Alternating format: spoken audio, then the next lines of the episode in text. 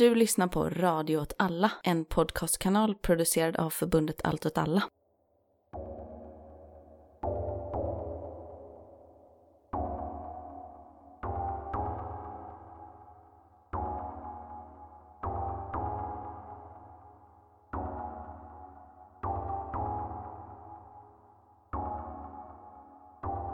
Hej och välkommen till Rörelse med mig Martin Hansson och tyvärr ingen Myran insektsnamn. Eh, Då klockan är ungefär 12 när vi spelar in det här så ligger väl Myran och sover och eh, eftersom att han och jag ska iväg i helgen så fick jag ta och spela in det här själv. Men jag har med mig en gäst istället. För det hade varit helt bisarrt om jag skulle sitta här och prata själv. Och det är eh, Fredrik Egefur. Hej! Fredrik är doktor i historia och har skrivit en avhandling som heter Gränslösa rörelser för fred 1889 till 1914. Som sen har en jättelång... Ja, det är ju lite kutym. Du kan få ge resten här för du har den Ja. framför dig. Tur för annars hade jag också glömt bort det. Jo, den heter alltså Gränslösa rörelser för fred 1889 till 1914. Aktörskap, strategi och begreppsvärld hos socialistisk och liberal fredsaktivism. Precis, du har någonstans gjort en undersökning av, en jämförelse kanske man till och med kan säga, mellan andra internationalen och en borgerlig fredsrörelse. Internationella fredsbyrån hon Ja, så. men exakt. Det var liksom en paraplyorganisation som samlade en lång rad nationella och en del internationella andra fredsförbund som fanns. Som hade, hade en slags liberalt kristen grund.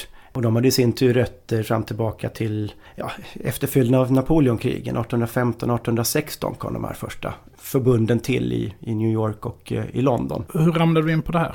Ja, alltså egentligen ville jag skriva om revolutionära ungdomar.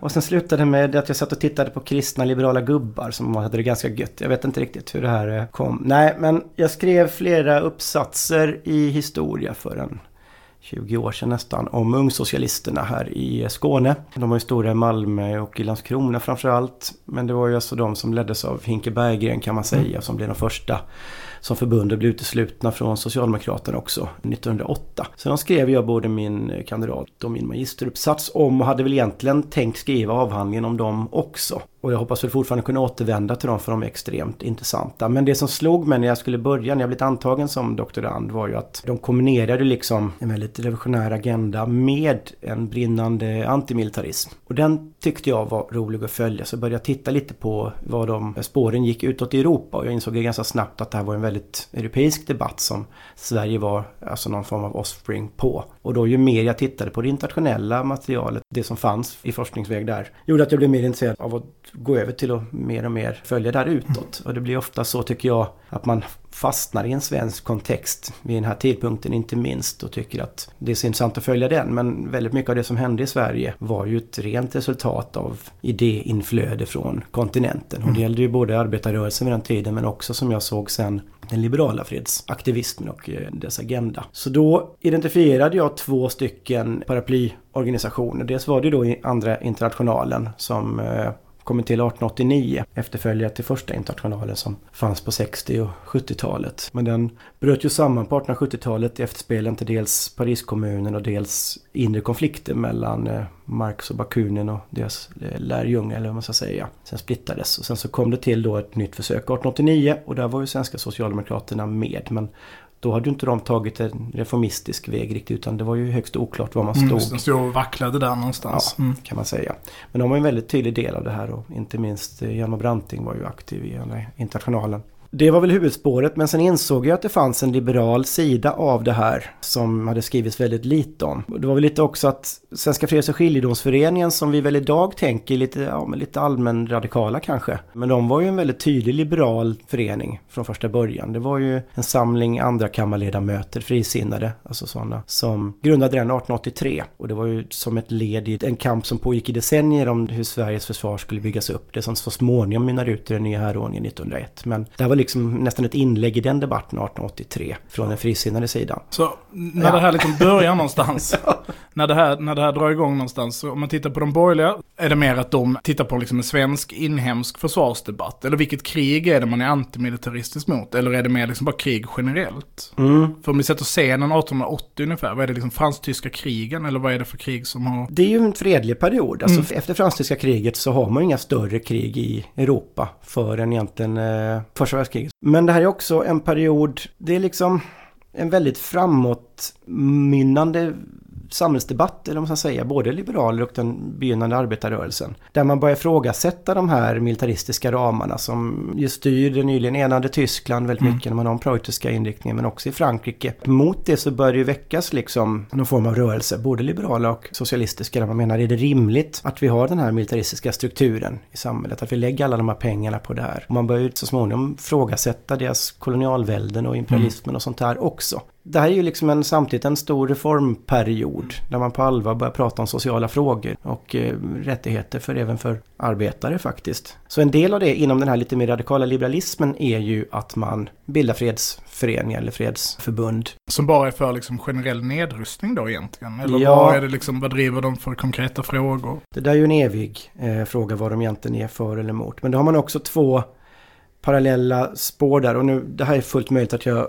Du får stoppa mig för jag spårar ur i det här. Ja, då. Men man har ju det som kristen linje. Mm. Och där är det från början mycket kväkare, anabaptister, eh, menoiter, amishfolk. Här vi brukar se som lite lätt världsfrånvända nästan. Sektliknande. Ja, sektliknande. Och de är jättestora i den anglosaxiska världen. Alltså, så där börjar ju i USA och, och Storbritannien. Men kväkarna är väldigt viktiga där. Jag strök ganska mycket avhandlingen sen när jag försöker spåra tillbaka till 1600-talet. För det är väldigt intressant. De uppfinner ju liksom lite så här egna typ bibelcitat som kunde ha stått i Bibeln tycker de, men som inte riktigt är med där, som visar på. Det är nästan en slags panteism, att Gud finns i alla levande väsen och därför kan vi inte begå våld på våra Ja, just det.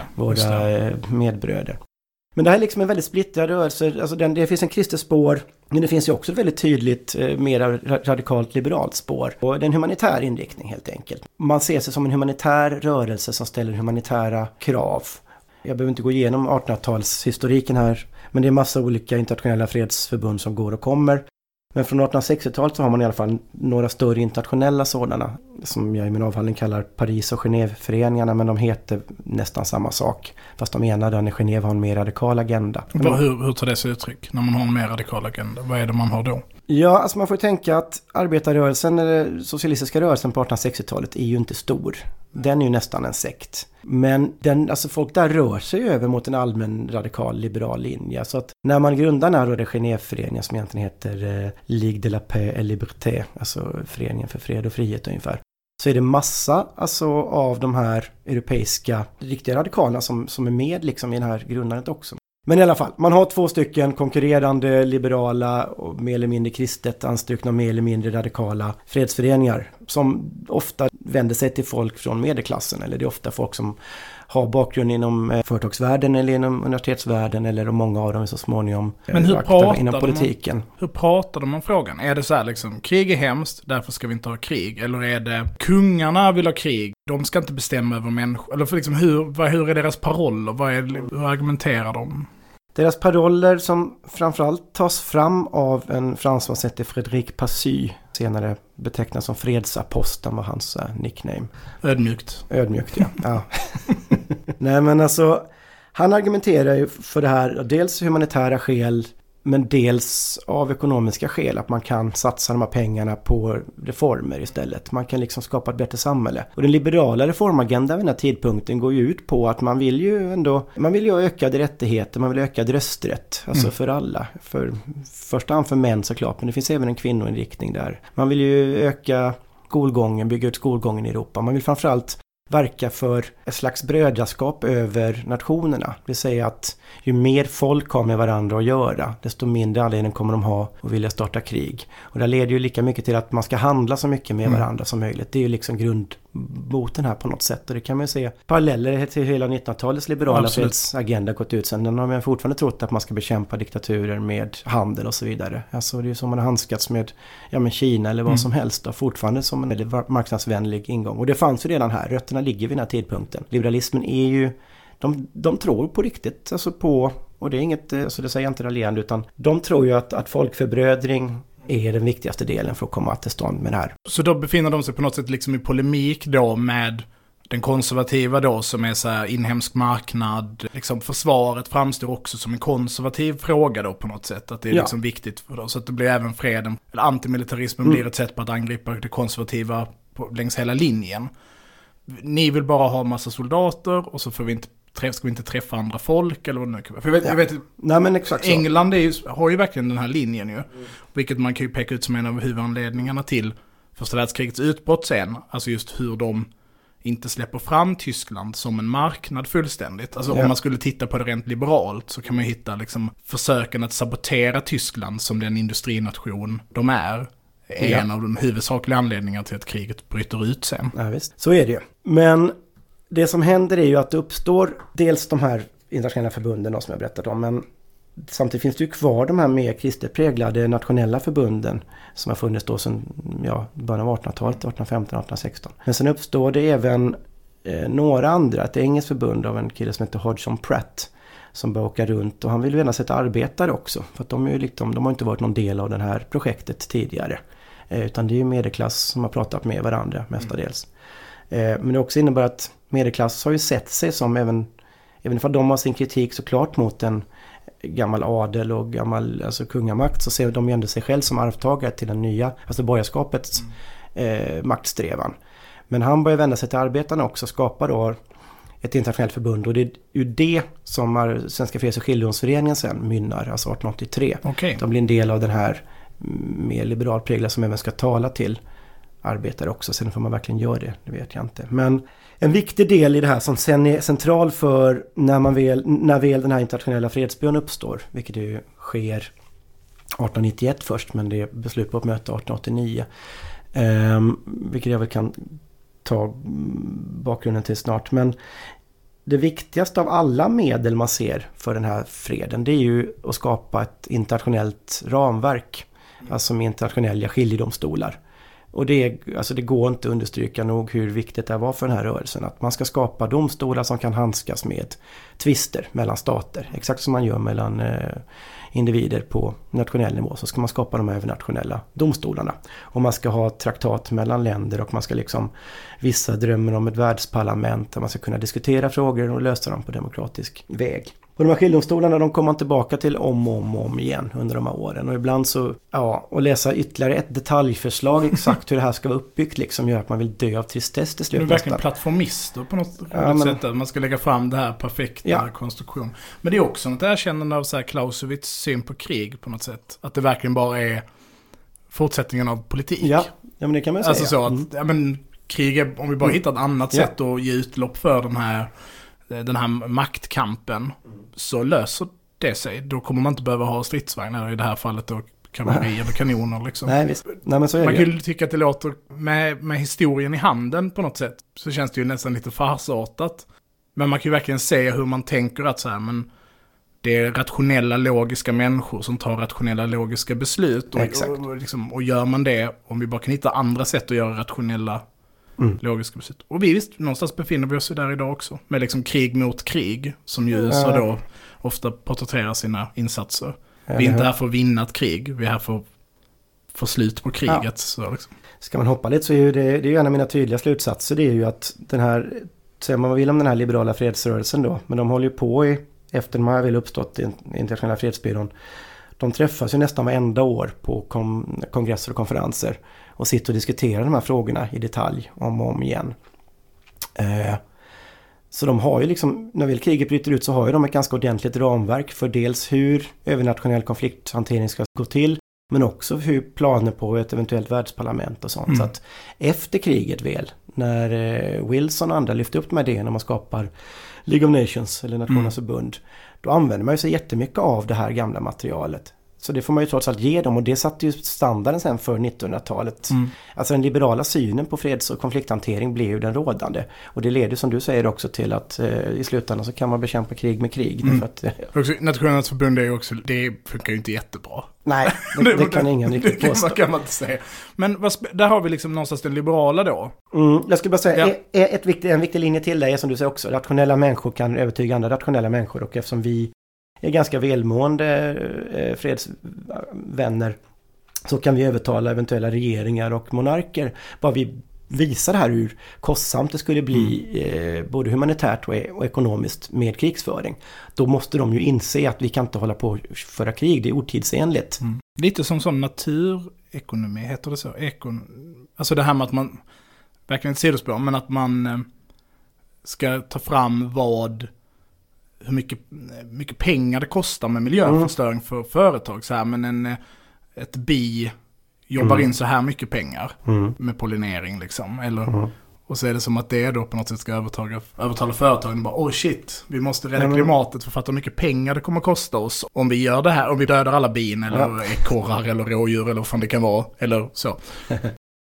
Nej men så är det och det, ju- man ser också det här är ju liksom ingen homogen rörelse utan den, den, det, det, det är ju massa olika människor som är inblandade där. Men man har ju också väldigt mycket forskning, man genomför mycket forskning. En väldigt rik polsk-rysk industrimagnat som heter Jean de Bloch, eller han i Sverige Ivan von Bloch. Han tar ju sig tid att skriva liksom ett verk i fem band om hur ett framtida krig kommer gå till. Så redan på 1890-talet så förutspår ju han ju att men nästa krig kommer ske på industriell skala, vilket gör att folk kommer gräva ner sig i gigantiska skyttegravar som går över hela Europa. Sen kommer han hålla på så ända till någon har lyckats nöta ut en annan. Och det kan ju ta åratal.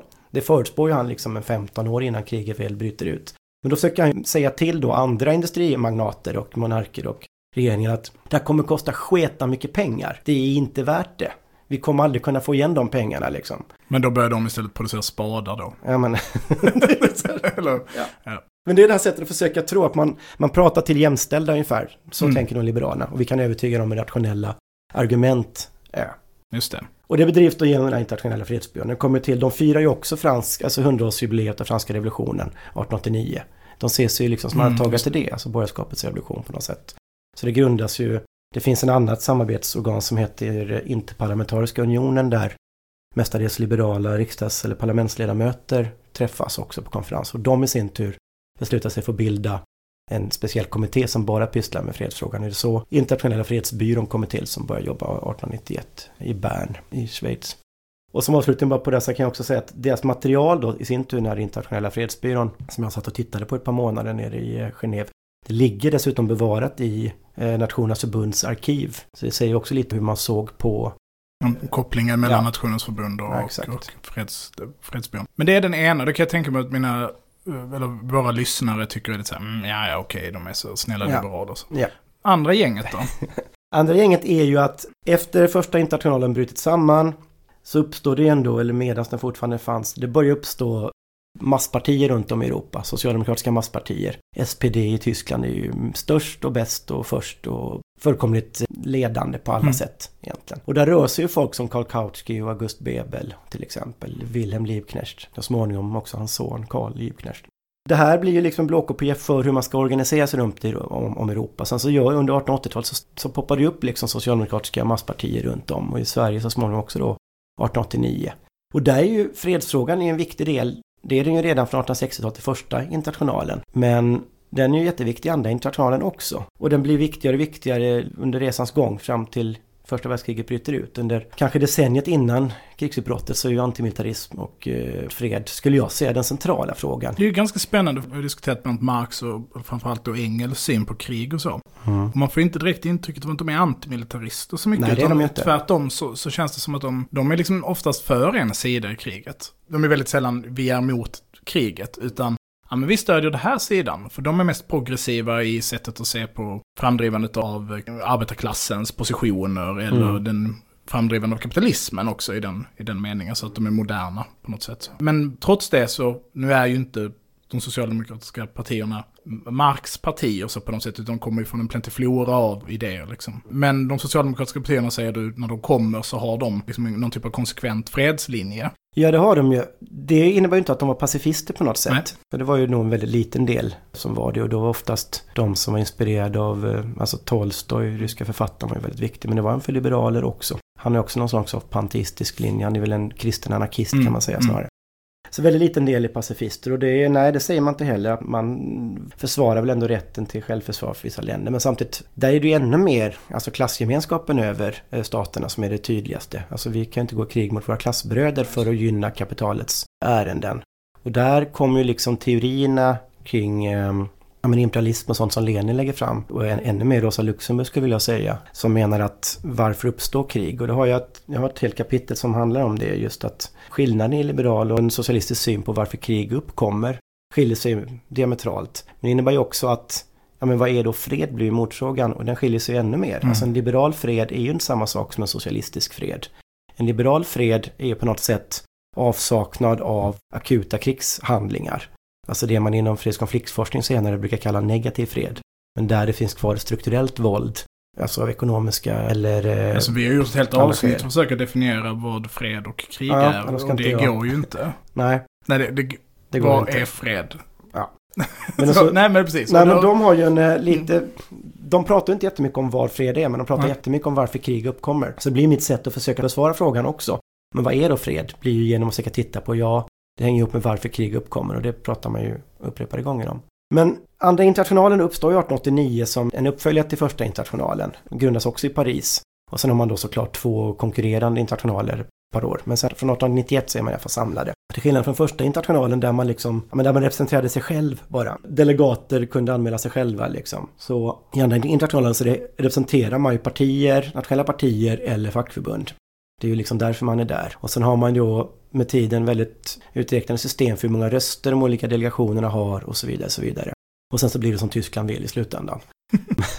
det är som ett EU på något sätt. Ja, men, ja, ja, men så är det ju faktiskt.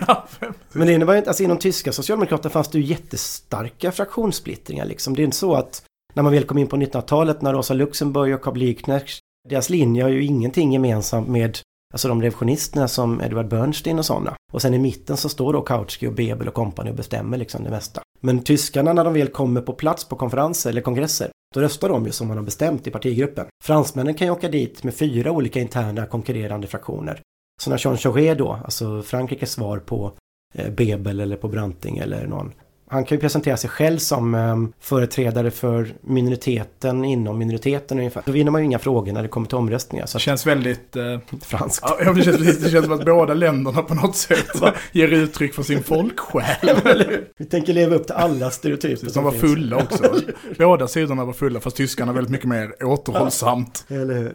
Nej men så 1889, sen så de träffas ju inte, de träffas ju inte varje år men de har ju återkommande kongresser eh, runt om i Europa. Men redan 1896 i London, för övrigt samma kongress där man till slut förbjuder anarkister att vara en del av den reformistiska arbetarrörelsen. De har ju fortsatt bråka som man säger från majoriteten. Så att det innebär att kongresserna liksom 91 och 93 halva kongressen går ju åt till procedurfrågor ungefär. Mm. Vilka som har rätt att vara där och vilka som har rätt att rösta och så vidare. Så att 96 fattar man ett beslut om det. Men 1896 så bildar man också en eh, War Commission. När man liksom börjar försöka reda ut och säga, jaha, vi är emot krig, varför uppstår krig? Vad är våra motargument, vad kan vi göra? De frågar. Ja, men varför kommer det just då? Varför kommer det just då är väl att man börjar liksom stelna till en organisation tror jag. Innan är man så upptagen med dels de här procedurfrågorna. Men dels har man ju inget verkställande utskott, man har inget sekretariat eller någonting. Utan man träffas de här gångerna. Och i övrigt är det nationella partier som får liksom sköta det. sker man kanske med någon form av korrespondens mellan dem. Som ganska så här autonom organisering på något roligt sätt. Säga. De åker bara dit och krökar liksom. Ja, men... Det är det som är internationellt. Ja. Och så bråkar man om ja. Eh, Fast det är väldigt fina kläder, det är jätteviktigt. Just. För skötsamhetsidealet börjar slå igenom. Att man så det är lite se... autonoma 2006 2010 kanske. Det är mycket Burberry och Fred Perry och så. Liksom. Det, det, är inte 90-tal. men hur medvetna är man någonstans om att världen går mot krig då? Paradoxalt nog eftersom man inte har varit i något storkrig då i Europa på decennier. Mm.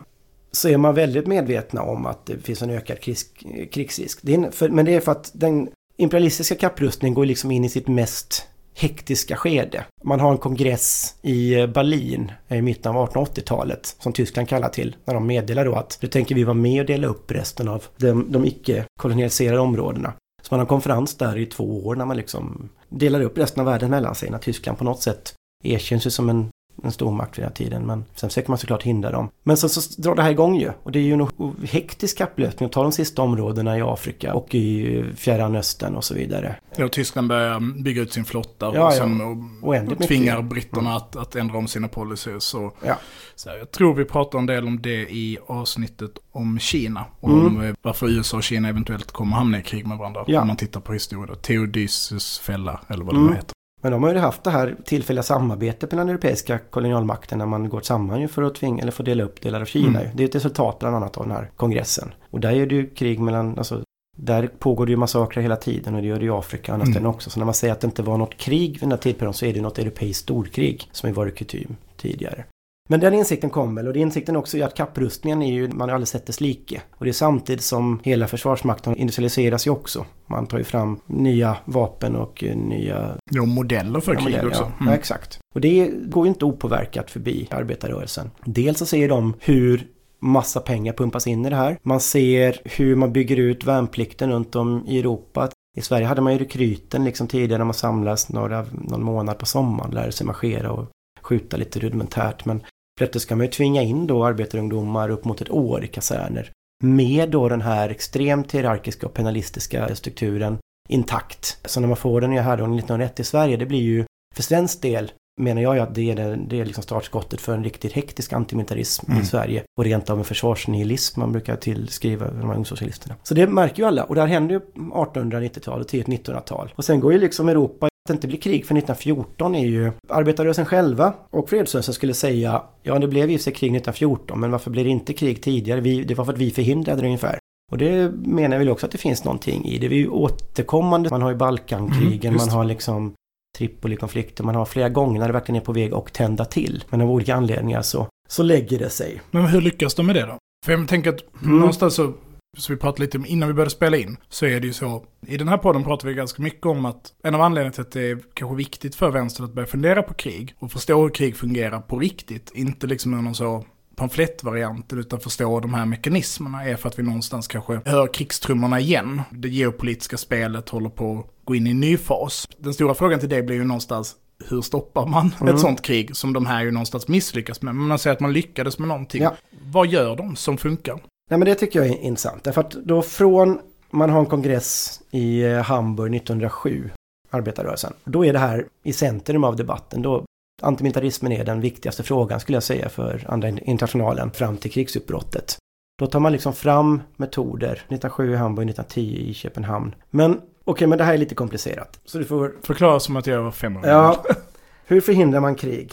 En väldigt viktig linje var ju uppmana till generalstrejk. Det vill säga när regeringar kallar sig till massmobilisering, stor mobilisering. Då ska alla arbetare lägga ner vapen, vi ska se till att fabrikerna måste stängas, vi ska lamslå transportväsendet, handel, allting. Gör ingen någonting så kan det inte bli något krig. Men det bygger på en oerhörd samordning land för land för land.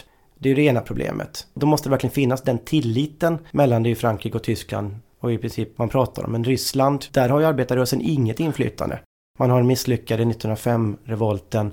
De flesta har utomlands. Rysslands företrädare bor ju inte heller i Ryssland eftersom alltså, Lenin har ju flytt och andra har flytt och så vidare. Ryssland kan man inte lita på att arbetarna kommer lamslå någonting alls. Vilket så småningom kommer visa sig fatalt. Men den här frågan kommer tillbaka om och om igen. Generalstreck Generalstrejk det är det uppenbara svaret. Men Tyskland är ju emot det hela tiden. Det finns, skulle jag säga, två anledningar till det. Dels är det ju en anarkistisk kampanjmodell från början. Eller syndikalistisk, anarkistisk. Generalstrejken, alltså att revolutionen ska ju ske genom en storstrejk som går över i en generalstrejk där man så här approprierar eh, egendom och så vidare. Och eh, produktionskrafterna. Och i Tyskland är man väldigt, väldigt, väldigt noga med att inte associeras med den yttersta vänstern på något sätt. Och det blir omöjligt att genomföra det. I Tyskland är det också så att man har kommit väldigt, väldigt långt med att bygga upp liksom sitt parallellsamhälle som är den socialdemokratiska idén i Tyskland. Att man bygger upp egna tidningar, egna skolor, egna bibliotek, egna begravningsbyråer, egna vad du vill. Egna sorts affärer. motmakts... Ja, det är ju det. Det är Mm. den man försöker kopiera i Sverige också. Mm. Det, det, det tar ju Branting ganska mycket och Axel Danielsson framförallt kopierar från Tyskland. De har kommit väldigt långt med det. är så långt att August Bebel kallas ju som så här arbetarnas kansler liksom. Och man har ju dessutom, man har ju rösträtt i Tyskland. Även om man är graderad och även om det finns tre stycken olika nivåer. Så har man ändå rösträtt. Det, har man,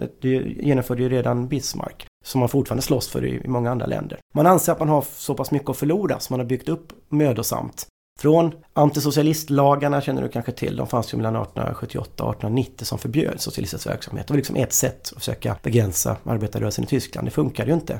Så till slut så måste man ta bort dem. Men de här ledande, vid den här tidpunkten åldrade aktivisterna som Bebel och Kautsky, de har ju varit med under de här extremt hårda åren. De har ju suttit i fängelse i flera år, och en och det andra. De är liksom inte redo att gå ut i en ny strid och riskera nya socialistlagar. Riskera att tyska centralmakten tar bort allt det här man har lyckats bygga upp. Ja, det är ju landsförräderi på något sätt att hota om... Ja, där är det det. Nej men det är det ju. Ja, det är det ju. Alltså, men Ja. rätt. Det är svårt att argumentera för att det inte är Nej, förräderi av sådär. Vi ska förhindra eh, försvarsmakten i Nej. landet att mobilisera sig. Exakt. Det är, liksom skolboksexemplet på... Det är det ju faktiskt, det Ja. får man ju ge.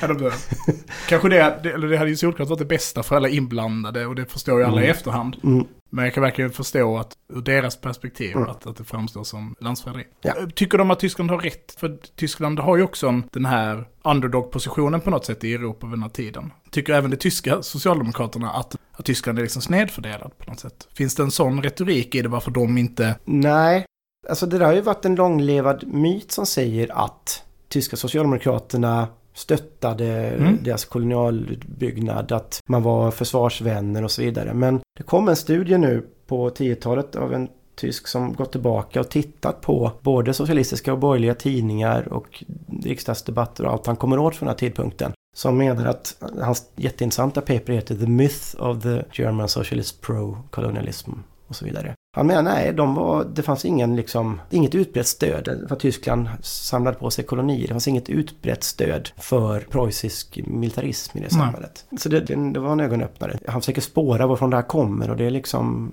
ja, det uppstår ganska tidigt den myten men den har varit väldigt, väldigt långlevad. Nej, man har hört den själv. Alltså, ja, visst. Och att, att man någonstans förklarar första världskrigets liksom utbrott bland annat på att alla socialdemokratiska partier säger vi sköter om vårt eget land nu. Och det finns ju en, en sanning Ja. i det också. Men därifrån till att man skulle varit, man kan liksom inte frikoppla fredsfrågan från den koloniala frågan vid Nej. den här tidpunkten heller. Men det som händer då, man blockerar den här frågan om generalstrejk som metod. Däremot så tar man fram massa andra. Jag har gjort stora tabeller i avhandlingen om vilka metoder man anser sig ha till sitt förfogande. Både i ett Just det, de här två kolumnerna. Ja, man kan exakt. säga vilka, freds, Mm, vilka ja. den borgerliga fredsrörelsen har och vilka exakt. arbetarrörelsen då ställer. Dels vilka långsiktiga strategier man har med mycket så upplysning, avskräckning och det ena och det andra. Men också vilka akuta metoder man anser man, man har. Och visst ingick sabotage och eh, revolution och... Ja, det är ju det intressanta här. För att man går inte med på att man kan genomföra så har som en metod. Men efter att ha haft den här, ja, det är ganska kul att följa dokumenten från den här kongressen. Men efter att ha haft kommittéer och splittringar och det ena och det andra så kommer man fram till en förslag i alla fall där generalstrejk inte är med. Men då lämnar ju Rosa Luxemburg och Lenin och någon rysk till in ett tillägg till det här som innebär så här, okej, vi mobiliserar, det är ingen generalstrejk som gäller och vi testar alla de här metoderna ni säger. Men blir det ändå krig, då måste vi ju få kalla till, till resning Mm. hos folket. Och, och på någon ganska obegriplig anledning så går det här igenom, vilket innebär att man har liksom en officiell linje som innebär att vi ska försöka med folklig liksom, avskräckning, vi ska kalla till demonstrationer, vi ska göra det ena och det andra, protestera. Vi ska däremot inte gå utan en generalstrejk. Men blir det krig, då ska vi försöka göra revolution. Ungefär. Man, man hoppar liksom något. Det finns ett mellansteg Det där. finns ett som- mellansteg, Ja. så. Mm. Men det var så viktigt för tyskarna att inte ta med den. Hur man däremot försvarar det här, det är lite en gåta. Men, men så blir det i alla fall. Så där har man liksom en, man har en strategi på pappret. Sen så prövas det lite i, i praktiken och då blir det ett lite annat tillvägagångssätt som händer. Det vill säga att man har ju det här verkställande utskottet där de mest prominenta ledamöterna sitter med. Som de träffas ju varje år. Så där sitter ju Bebel och där sitter ju Branting och Chauvet och där sitter även Luxemburg. Också, så att den, den, alltså det som man kallas på den tiden, yttersta vänstern är ju företrädd Mm. där. För ingen kan vid den här tidpunkten gå förbi Rosa Luxemburg riktigt som, som folk eh, och som en jätteviktig röst i Tyskland. Rosa Luxemburg är ju jättemycket mer inflytelserik i andra internationalen än vad Lenin någonsin var. Det får man ju ta med sig. De är fortfarande på samma lag, det är ju liksom innan deras brytning i samband med revolutionen sen. Men Lenin får ju lite så här kämpa för att få hennes uppmärksamhet och Mm. med på hennes. Den maktdelen har man där i alla fall.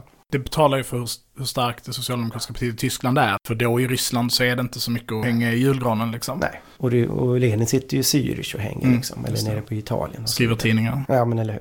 Men det som händer i alla fall, det kommer några sådana här stora kriser. Och då har man i alla fall att det blir så att man kallar samman det verkställande utskottet. Verkställande utskottet kommer med uttalanden om att vi är emot de här krigsrustningarna. Nu måste vi ut och visa det. Vilket leder till att nationella partier får ut arbetarna på gatorna runt om i Europa. Massdemonstrationer. Vi är emot kriget, vi är emot det här och det här. Och så kallar man till en extra kongress för andra internationalen. Och där händer då 1912 till exempel i samband med första Balkankrigen. Då är det verkligen, verkligen nära att allting, det som hände sedan 1914 är på väg att hända 1912 kan man säga. Och nu gör man exakt det här. Man kallar in verkställande utskottet, man kallar ut folk på gatorna, man träffas i Basel sent 1912 till en extrainsatt fredskongress. Krig mot kriget, guerre de la guerre och så vidare. Och de kommer uttalanden om att vi kommer aldrig någonsin gå i krig med varandra. Däremot, ifall ni driver igenom det här, ni styrande, så svarar inte vi för att massorna kommer resa sig, ungefär. Så man använder revolutionshotet väldigt Ja, konkret som, som ett verktyg. Liksom. Konkret och konkret, alltså det finns ju där. Och det fattar ju de styrande runt om i Europa. Alltså, och de ska ju fatta det, det är ju en del av det hela. Sen hur exakt explicit man är och inte det. Och hur förberett det var. Hur förberett det var, alltså... Alltså, revolution- hur, re- vad fanns det liksom, eller det kan också ta det svar på, men, men fanns det liksom en konkret modell för hur den resningen skulle se ut Nej, då nej. ifall det blev, nej precis, Nej, så det, det- var ett hot liksom. Ja, det var ett Mm. hot. Dit kommer man ju aldrig någonsin. Och det hade man nog inte kunnat lösa för då har man ju Luxemburgs syn på revolutionen som organisk Mm, liksom framväxt mot Lenins med avantgardet. då. Men det här går ju jättebra 1912. Som det ser ut i praktiken, det blir ju inget krig. Och sen vad det beror på, ja, det är lite oklart. Men för arbetarrörelsen är det fullkomligt självklart att det beror på att vi, vi genomför den här kedjan liksom. Det var tack vare oss. Vi är de enda som stod emellan världen och masslakten ungefär. Det- Så säger man uttryckligen. Man är väldigt, väldigt nöjda med det här 1913 och 1914 och det blir ett andra Balkankrig 1913 men det är inte så omfattande. Man är väldigt nöjda med det här.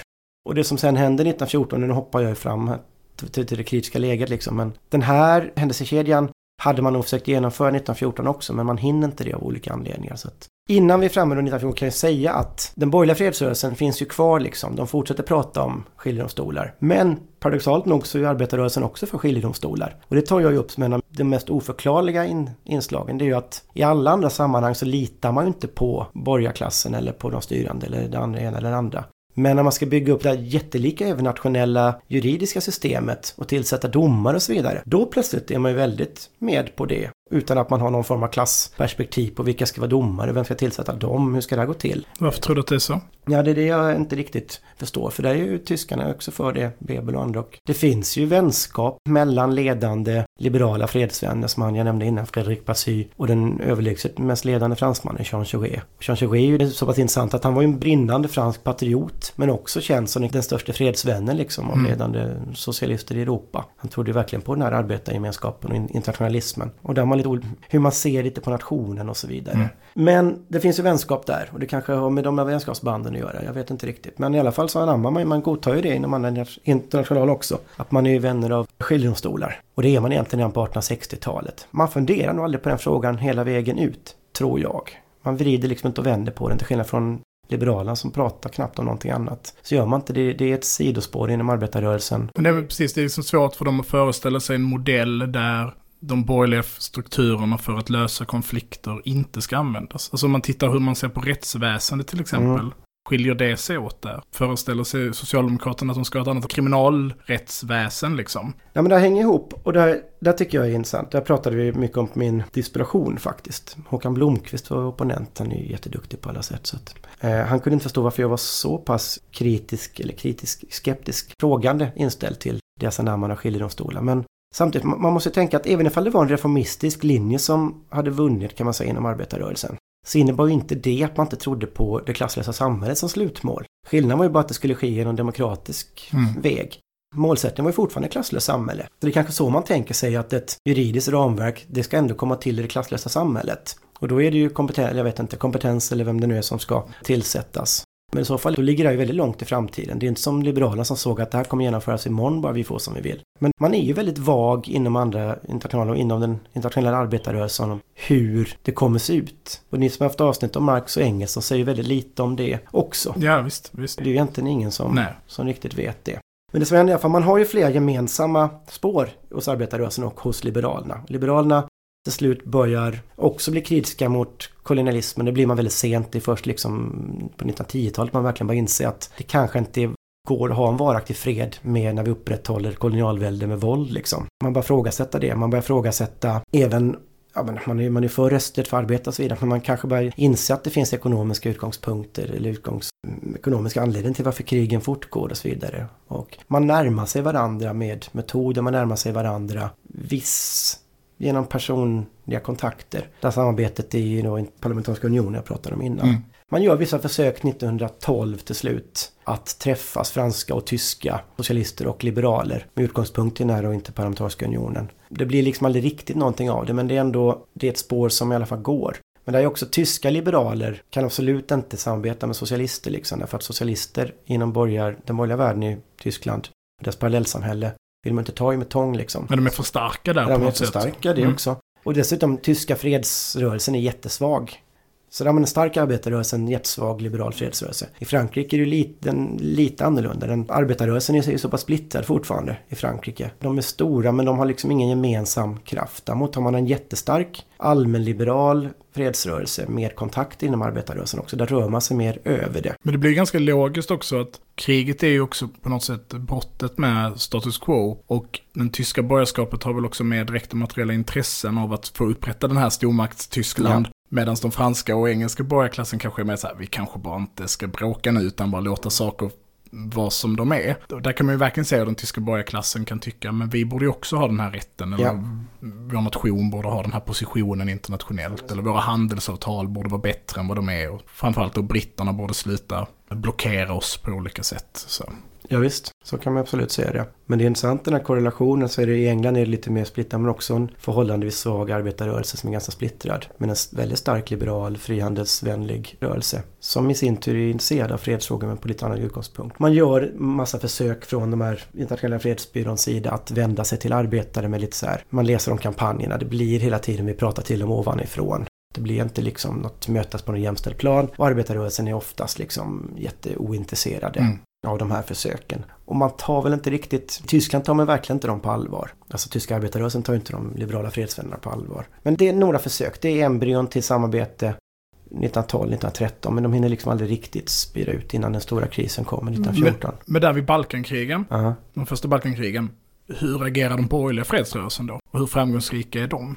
Ja, men de har ju ingen, eh, de har ju aldrig pratat om vad de ska göra vid ett krigsutbrott. Så de bara gör ingenting. Nej. Eller de träffar väl olika människor och pratar med dem och säger det här borde vi inte göra. Ja, ungefär så. 1914 gör de några saker i alla fall. De har lite affischkampanjer och lite sånt här. Det var deppigt. Och bygga upp för det här liksom. Och säga så nu, nu ska vår organisation Mm, leva nej. ut här. Och så bara, Nej. det blev en affischkampanj. Ja, det är ju det. Samtidigt så såg de ju hela tiden där lite mer lång...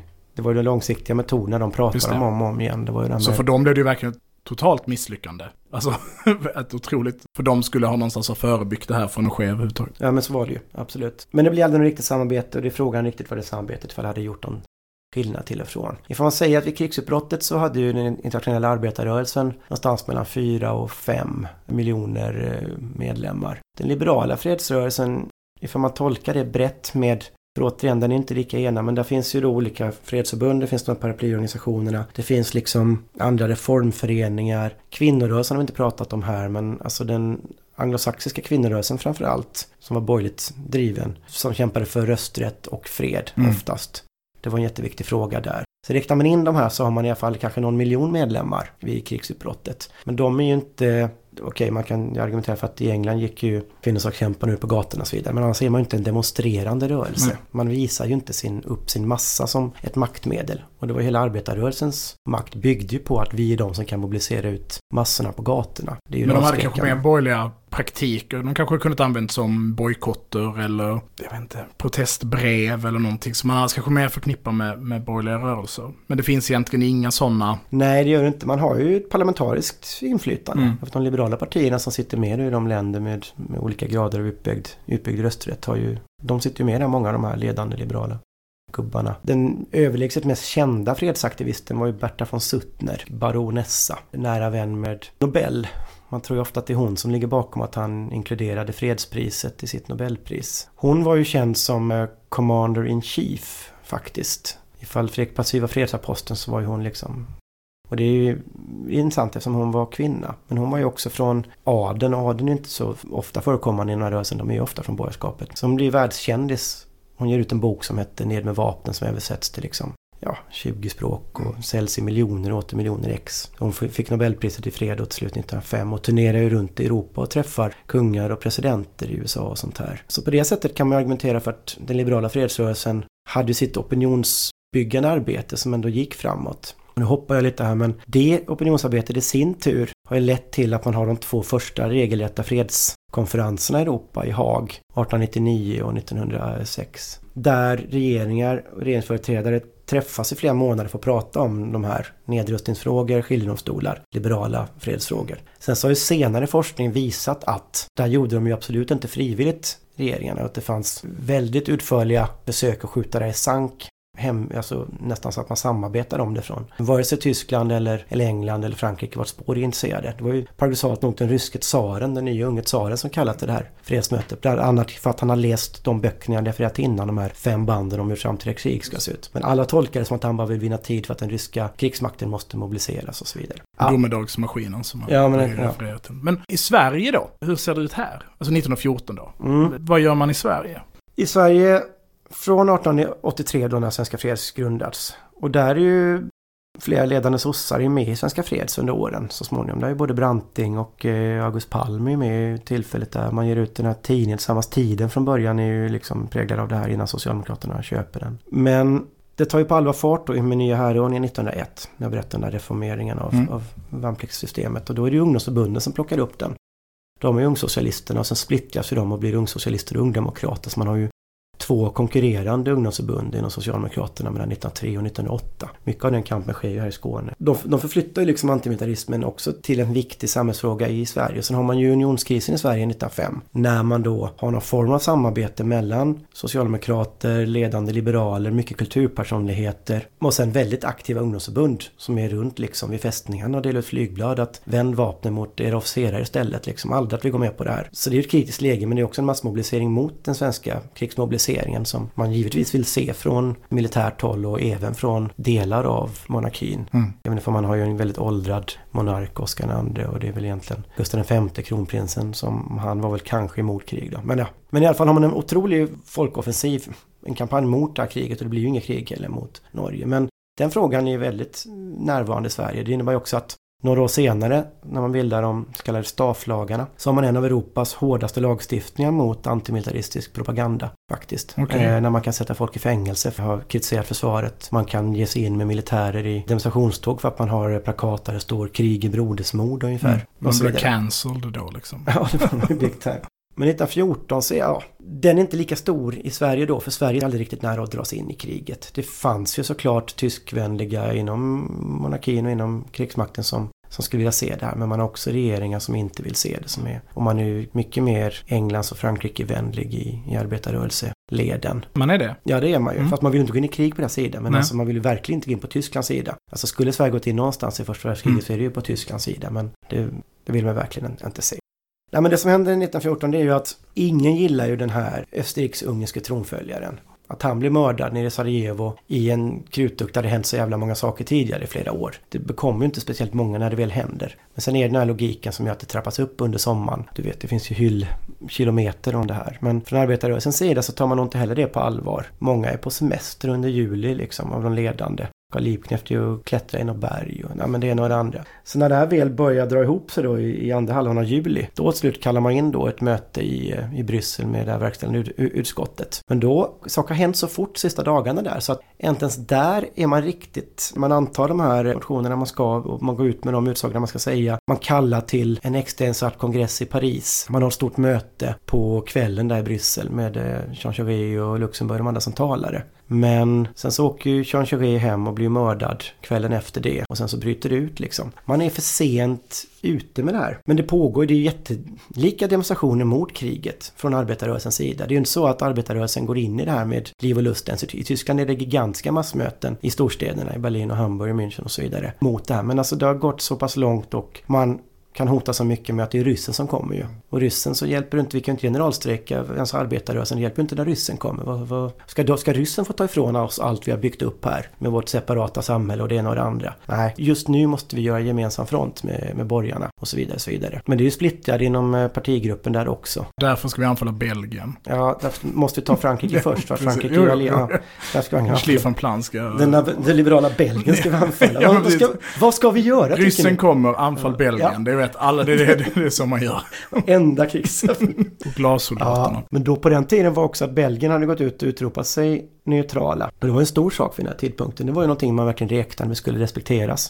Många trodde nog att, ja, ja, de kan ju inte anfalla Belgien i alla fall, för de är ju neutrala. Hur skulle det se ut? Så gör man ju det. Nej men alltså men det här hur arbetarrörelsens agerande kan ses liksom som ett svek mot allting och det är visst, man röstar ju för de här krigskrediterna och massmobilisering. Det gör ju faktiskt Liebknecht också första gången för att partigruppen har ju bestämt det. Men ledande krafter som Bernstein och andra och Kautsky, de är ju emot liksom. Men den, den ledande delen, då röstar man för krigskrediter. Det är första andra gången sen när man ska rösta för förnyade krigskrediter i november som Liebknecht är den första att rösta emot och det har han ju blivit ett ihågkommen för. Mm. Liebknecht gav ju ut den kanske mest inflytelserika pamfletten inom arbetarrörelsen som hette Militarism och antimilitarism. De kom 1907 tror jag. Översattes till massa språk också, bland annat svenska. Men nu går jag tillbaka lite. Men det är ju det obegripliga. Hur förklarar man det här obegripliga? Återigen. Trots allt så går ju arbetarrörelsen och stödjer de här krigskrediterna. Och jag tror man måste se det liksom att den planen man hade hinner inte genomföras. Man hinner ha verkställande utskottets möte, man hinner börja få ut folk på gatorna. Men man hinner inte få den extrainsatta kongressen när man ska visa sin unisona kraft. Arbetarna ska inte gå kring med varandra runt om i Europa. Man hinner inte ha den manifestationen den här gången för att alla underskattar den här krigsmekanismen så pass mycket så att det drar loss.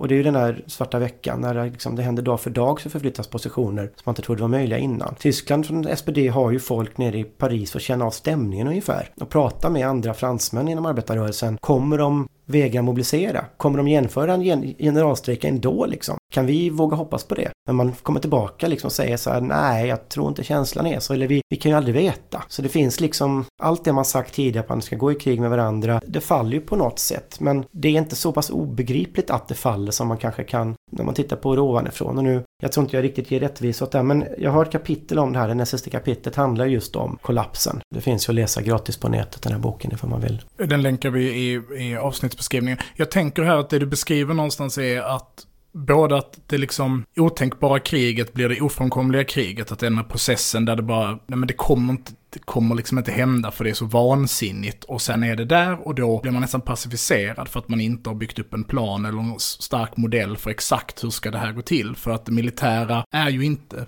Även om det är fortsättningen på politiken så rör den sig inte med politikens långsamma mekanismer utan då träder en helt, ny mekanism, helt nya mekanismer i kraft som ju där hastigheten liksom en extremt avgörande faktor. Och idag tänker jag att vi befinner oss, om man då ska dra paralleller till det, så, så har vi ju sett, bara i min tid som aktiv inom vänstern, så har man ju kunnat se Irakkriget, demonstrationer då, som var väldigt avgörande. Som ju var väldigt kraftfull, om än misslyckad, så en väldigt kraftfull manifestation för krig. Och det är väl för att krigen idag inte har varit de här totala krigen, utan att de har varit postkoloniala eller begränsad krigsföring. Därför har de föranletts av långsam politik som har lett upp. Det är liksom debatter i kongressen och senaten i USA, nu ska vi sätta igång det här. Det är liksom inte de här blixtangreppen på något sätt. Och sen så beskriver du väl också någon typ av velighet, väl fel ord, men oförmåga att förstå vad det är som kommer. Alltså föreställningen om kriget är inte helt klart, även om någon ändå har sagt så här kommer det se ut, för man har inte sett det innan. Och där tror jag vi också befinner oss idag. Vi kan inte riktigt föreställa oss hur ett modernt konventionellt krig kommer att se ut. Alltså det här skrivs det ju hyllmeter och böcker om där folk säger helt emot varandra. Det är ingen egentligen som vet hur en global sammandrabbning mellan låt säga Kina och USA faktiskt skulle te sig. För att det är så länge sedan vi har sett en urladdning mellan två relativa jämbördiga parter. Och det ställer ju frågor någonstans till en fredsrörelse och en vänsterfredsrörelse då, de arbetar fredsrörelse, hur, hur man skulle förbereda sig för att bygga en fredsrörelse för en sådan. För idag känns ju fredsrörelsen svagare än någonsin egentligen. Och inte en så aktuell fråga, utan då är det mer de här postkoloniala begränsade krigsföringen. Turkiets angrepp mot eh, Rojava till exempel, eller då Israel, just nu när vi spelar in är det ju förvisso vapenvila, men liksom Israels angrepp på Palestina. Eller, men det är ju inte samma sak. Alltså det är ju inte samma typ av krig som första världskriget eller andra världskriget eller en sån urladdning mellan USA och Kina skulle vara. Ja, men alltså jag, jag är ju en lekman när det gäller moderna fredsrörelsen, men jag tror på något sätt att köper man den liberala agendan att krig bara är en humanitär fråga. Och när man bygger upp en rörelse som man gjorde då, de här tidiga liberala fredsrörelsen för att bekämpa krig av humanitära skäl. Då blir det på något sätt omöjligt att få till den massmobilisering som behövs. Man måste se krig som en del av en större samhällelig fråga. Det är därför arbetarrörelsen gör väldigt tydligt det. Man kopplar hela tiden krigsfrågan till den allmänna makten över samhället. Vilka ska bestämma vilka ska offras ute på slags, slagfältet? Det är ju det, det, är det man pratar om hela tiden. Så att i dagsläget när man har de här extremt svaga fredsrörelserna, de är nog svagare än vad de någonsin har varit. Men vi har också ett, det här liberala ramverket man byggde upp då i efterspelen till första och ännu mer efter andra världskriget såklart. Eh, är på väg att, att falla samman nu. Det är först nu vi ser det inte minst under åren med Trump i USA som medvetet försökte rasera den här liberala bilden. Men eh, det är nog en långsiktig process som är svår att hindra. Då har man liksom ett... Man kan säga vad man vill om det liberala systemet men de facto så är det ju så det har funkat. Den, de möjligheterna till konfliktlösning som har funnits under 1900-talet och en bit in på 2000-talet har ju varit liberalt präglade. Och när man studerar alltså freds konfliktkunskap, alltså allting där bygger också på liberal eh, mm. aggressionsavväpning och så vidare. Eh, men i ett system nu, när det är på väg att falla samman, alltså det systemet, och man står helt utan någon ny plan, så tror jag också att det blir väldigt... Det blir också mer hotfullt på det sättet. När någon form av hybridkrig bryter ut, som vi inte ens har före, kan ställa oss eller förberett oss på, så finns det inte heller någon automatisk motpart som går in och försöker förhindra det här. Jag tänker den här generalstrejksmodellen som SPD då inte går med på. Tror, tror du på den? Tror du att den hade funkat? Nej, inte så länge man inte har en uppbyggd organisation under den. Den måste ju bygga på tillit. Mm. Mellan nationer. Du, du, du, Mellan arbetare. För de hade varit starka, mm. Du menar att de hade varit starka nog för att genomföra generalstrejkerna i, i varje, varje land. Men det hade blivit någon sorts fångens dilemma. Ja. Att man måste veta Exakt. att den andra också gör det. Absolut. Men skulle man inte kunna tänka sig idag då, nu är inte Myran här, han hade sagt det här om en tag, för att gå in i hans roll och säga. Har inte kapitalismen i sig själv byggt in den här generalstrejken i sin egen organisation? Alltså kapitalflödena skulle ju upphöra sekunden den första kryssningsroboten sänker ett skepp i Taiwan-sundet liksom. Mm. Då skulle all handelsflotta stanna. Men för att, och att, eller, låt säga Suez skulle stängas sekunden en sån konflikt blev het. Eller när Iran började sänka skepp, alltså i Omanbukten, eller vad det nu kan vara. Men vet du, exakt så där argumenterade de här liberala industrimagnaterna som fredsvänner. Att bankväsendet i ja, Frankfurt och Paris och London är så sammantvinnade mm. nu i den här nya eran av global handel, tidigt 1900-tal. Så skulle vi gå i krig med varandra skulle ju allt det här bryta samman. Alla skulle bli fattigare. Vem vill det? Mm, just det. De exakt, hade exakt samma argument. De hade exakt som... samma argument, ja. verkligen. Vi bara tänka ett land som Sverige då, till exempel. Alltså, generellt då, det norra halvklotet. Alltså länder som ju i sin rena existens då baserad på resursutsugning av andra nationer. Mm. Alltså, vad hade vi kunnat äta i Sverige? Så morötter och sockerbitar. Mm, det är väl något sånt vi är självförsörjande för. Liksom.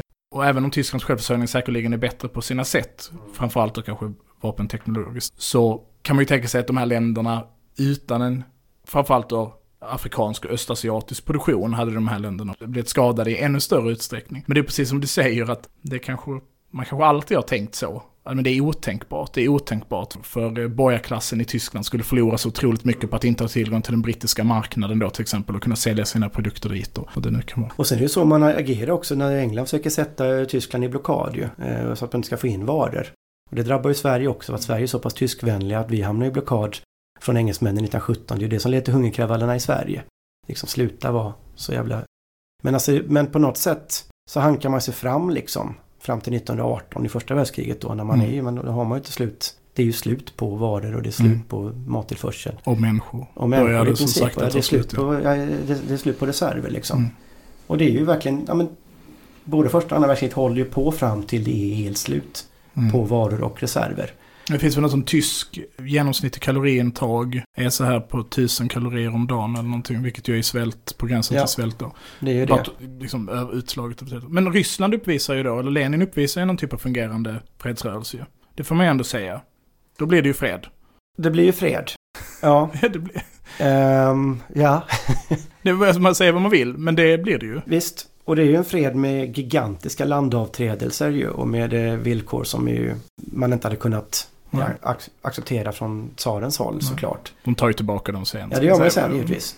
Men alltså det är ju det som är skillnaden i när den nationella äran är mm. själva grund... Och det är ju det intressanta för att Socialisterna och arbetarrörelsen menar ju hela tiden fram, varför uppkommer krig? Jo men det är ju för att man ska, för kapitalet. Det är ju för att man ska gagna liksom det är därför kapprustningen, det är därför allting sker. Det är ju för kapitalackumulationen och så vidare. Men sen till syvende och sist så har man inte tänka bort den nationella äran. Varför i helvete går Österrike-Ungern i krig liksom? Det går inte att tänka sig det utan nationell ära också.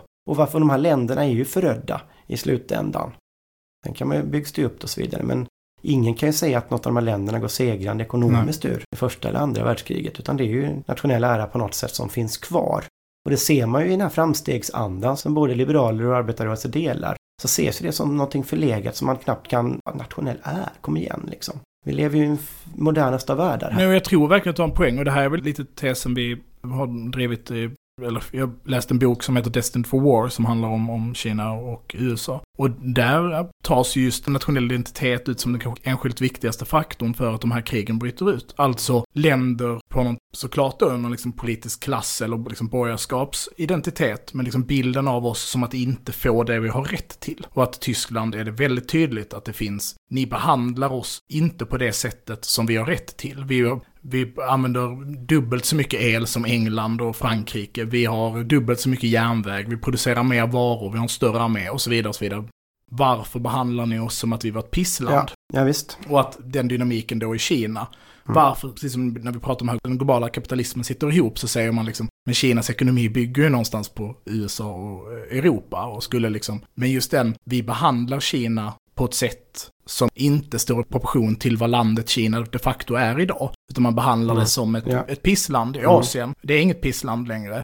Och i den boken så lägger han väl fram det enda sättet att uppnå fred i den situationen är ju att någonstans erkänna positionerna och säga Tyskland, vad är det ni verkligen vill ha? Och så säger England och Frankrike, det här är vad vi verkligen vill ha. Och sen kompromissar man. Och gör man inte det, utan den tidigare stormakten på något sätt behåller sin position och säger nej, vi ska inte ge bort någonting till det här lilla pisslandet. Då kommer kriget. För vid en viss punkt så kommer Kina säga, fast nu ska vi ha det här och ni kan inte stoppa oss. Liksom. Nej, jag köper det. Men jag tycker det här hur kapitalet använder sig av äldre idéer som nationell ära och nationalism och så vidare. Eller vad det är som vad är hönan och vad är ägget här? Ska Kina skaffa sig världens starkaste ekonomi för att återupprätta nationella äran? Eller använder man sig av den sloganen för att göra vad man kan för att bli den starkaste ekonomin? Alltså vad är det som är det viktiga där egentligen då?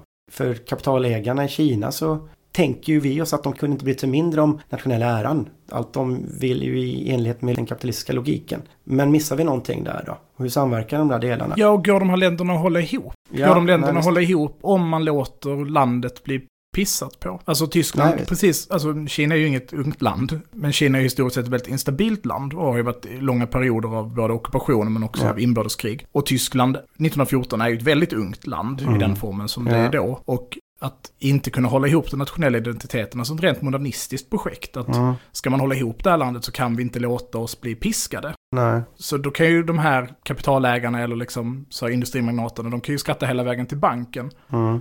Men någonstans så är ju också deras position baserad på att det här, den här nationen hålls ihop. Mm. Och då kanske det framstår som ekonomiskt, logiskt, rationellt försvarbart att man måste gå i krig trots kostnaden. Eller ja, ja. Det, det, är jättesvårt att säga. Där har man ju samma då, alltså den tyska arbetarrörelsen som verkligen är skitstolt över att de har lyckats bygga upp det här parallellsamhället. Den starkaste arbetarrörelsen, starkaste fackföreningsrörelsen allt det här liksom man har lyckats med. Det är man ju jättestolt över. Och då tycker man kanske att så här borde man alla ni andra göra också. Man har ju den internationella strävan där. Det är ju ett internationellt åtagande. Men man tänker ju verkligen inte ge upp det här för att en jävla förlegad stormakt som Ryssland ska anfalla en och ta det ifrån en. Nej, och sen det. finns den klassiska ryssfientligheten i Tyskland på samma sätt som det finns i, i Sverige, mm. Rysslandsskräcken. Och, och det vet ju såklart de ledarna vad de ska spela på. Så att hota med rysskräcken har ju, det funkar ju, funkar ju jämt. Men där är frågan, man ersätter ju liksom någon form av rent nationell ära med en annan form av ära med det man gör. Tyska arbetarrörelsens motsvar,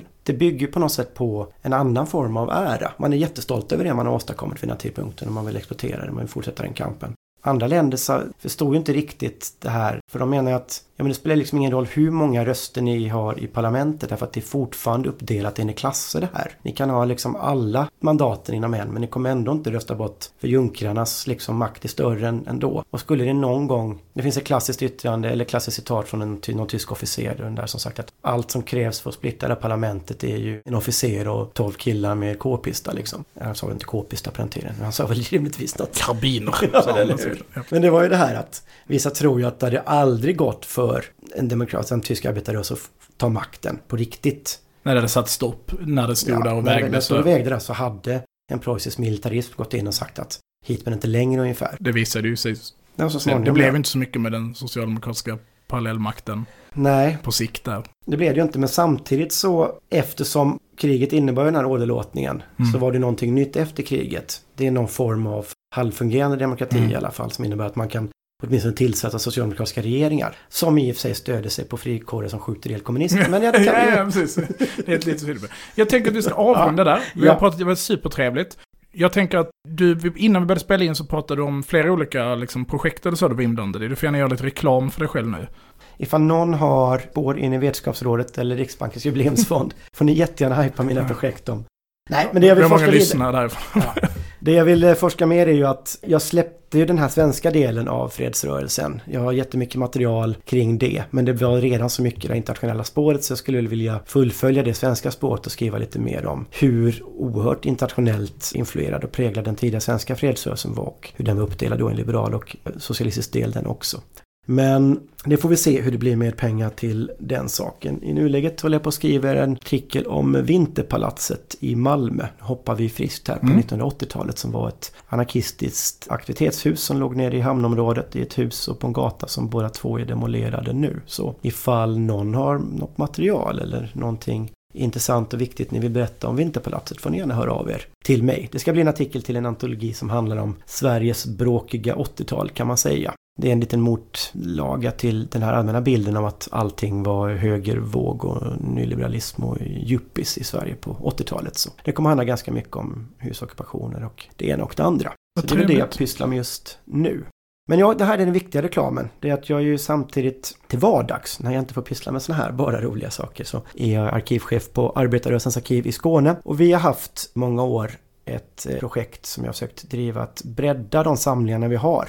Traditionellt sett är det väldigt reformistiskt präglat med mycket sosse och LO-material men sista 7-8 åren har vi försökt samla in material från andra delar av vänstern kan man säga och det innebär, inbegriper både autonoma föreningar och andra nätverk eller tillfälliga sammanslutningar med antirasistisk, feministisk eh, grund och så vidare. Så att har man varit aktiv i någon sån förening eller är aktiv i en sån förening eller nätverk eller någonting annat eller arrangerat en demonstration eller en festival eller annat och har Eh, material kvar så får man jättegärna kontakta mig där. För vi vill gärna samla in det materialet och göra det tillgängligt för framtida forskning. Jag brukar säga att nu la ju ni, eller du, sannolikt väldigt mycket tid på det här arrangemanget en gång i tiden. Vore det inte då kul ifall folk kunde få reda på någonting av det i framtiden? För man kan nog inte riktigt lita på att allting ligger på nätet eller att ens eh, minnen av saker finns kvar. Så hör gärna av er i så fall. Och det man gör då är att man liksom, man bara kontaktar er och sen så bara går man dit och lämnar över det och så sköter ni. Ja. Det är ju flera organisationer som gör det ute Mm. på den radikala vänsterkanten om man ska beskriva det. Jag håller verkligen med dig, det är jätteviktigt. Och det jag tror att just för att kunna förstå sig själv också med tiden så tror jag att det kommer vara extremt viktigt. För de lagringsfunktioner vi använder idag är ju så extremt flyktiga. Om man liksom hittar gamla Twitter-trådar och eh, Facebook-grupper, liksom, det kommer Ja. inte funka. Nej, men jag brukar säga också så att nej, men visst har man planerat någonting strictly i en Messenger-tråd eller i en Facebook-grupp så kan ju ingen forska på det i framtiden. Men har man ingen skrivare hemma kan man jättegärna få låna vår skrivare och printa ut de här materialen. Men det kan också vara affischer och det ena eller flygblad eller det ena eller andra.